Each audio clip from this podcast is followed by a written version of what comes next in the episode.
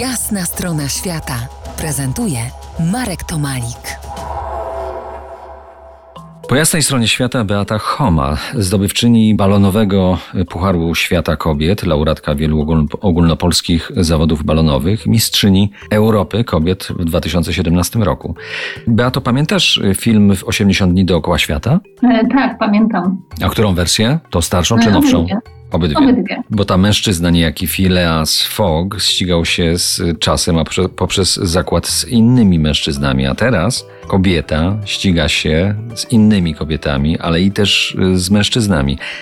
Latając balonem ścigamy się. Ścigamy się też z czasem, w każdym locie tak naprawdę, bo my nie sterujemy balonem, tylko balonem steruje wiatr. Mamy tą samą prędkość co wiatr, ten kierunek co wiatr i jeśli chcemy gdziekolwiek względem Ziemi być w jakimś punkcie, to tak naprawdę musimy podjąć ogromny wysiłek, żeby znaleźć taki wiatr, który doniesie nas tam, gdzie chcemy w odpowiednim y, momencie.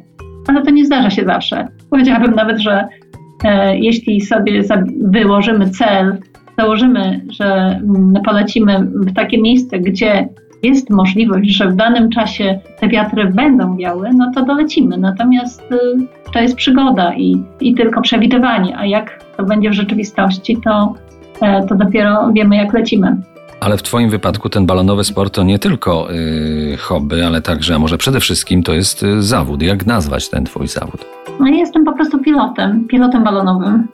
Dobrze, to przyjrzyjmy się narzędziom Twojej pracy. Balon to jest najstarszy statek powietrzny człowieka.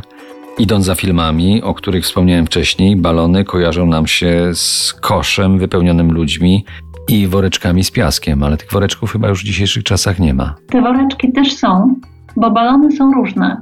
Pierwszy balon w ogóle, jaki powstał i pierwszy balon, jakim się człowiek uniósł w powietrze, to był balon e, na ogrzane powietrze dwóch braci we Francji, bracia, którzy się, którzy się nazywali Montgolfieri. Zbudowali z papieru taką powłokę, coś na wzór takich chińskich lampionów, tylko oczywiście dużo większą.